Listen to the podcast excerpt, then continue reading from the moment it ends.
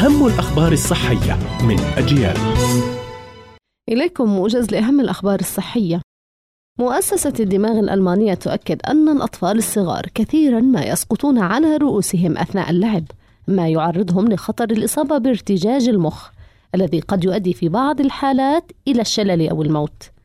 كما أن كبار السن يندرجون ضمن الفئة الأكثر عرضة للإصابة بارتجاج المخ أيضا نظرا لارتفاع خطر تعرضهم للسقوط بسبب ارتباكهم في المشي وعدم التوازن الناتج عن الشيخوخة إضافة إلى أن أدوية منع تخثر الدم التي غالبا ما يتناولها كبار السن ترفع خطر حدوث نزيف دماغي عند السقوط على الرأس. وتتمثل أعراض الإصابة بارتجاج المخ في الصداع الشديد، الغثيان، التشوش الذهني وفقدان الوعي والتشنجات واضطرابات في الرؤية أو الكلام أو الشم.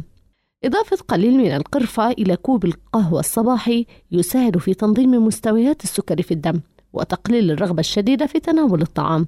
كما تضيف القرفة نكهة مبهجة للقهوة دون الحاجة إلى إضافة سكر أو كريمة الأسماك السلمون والتونة والأنشوجة غنية بأحماض أوميجا 3 الدهنية والتي توفر العديد من الفوائد للجسم بما يشمل تحسين صحة الدماغ.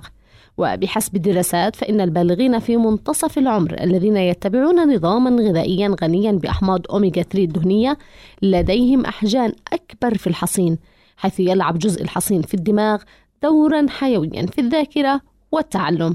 كانت هذه أهم الأخبار الصحية. قرأتها روزانا طه. إلى اللقاء.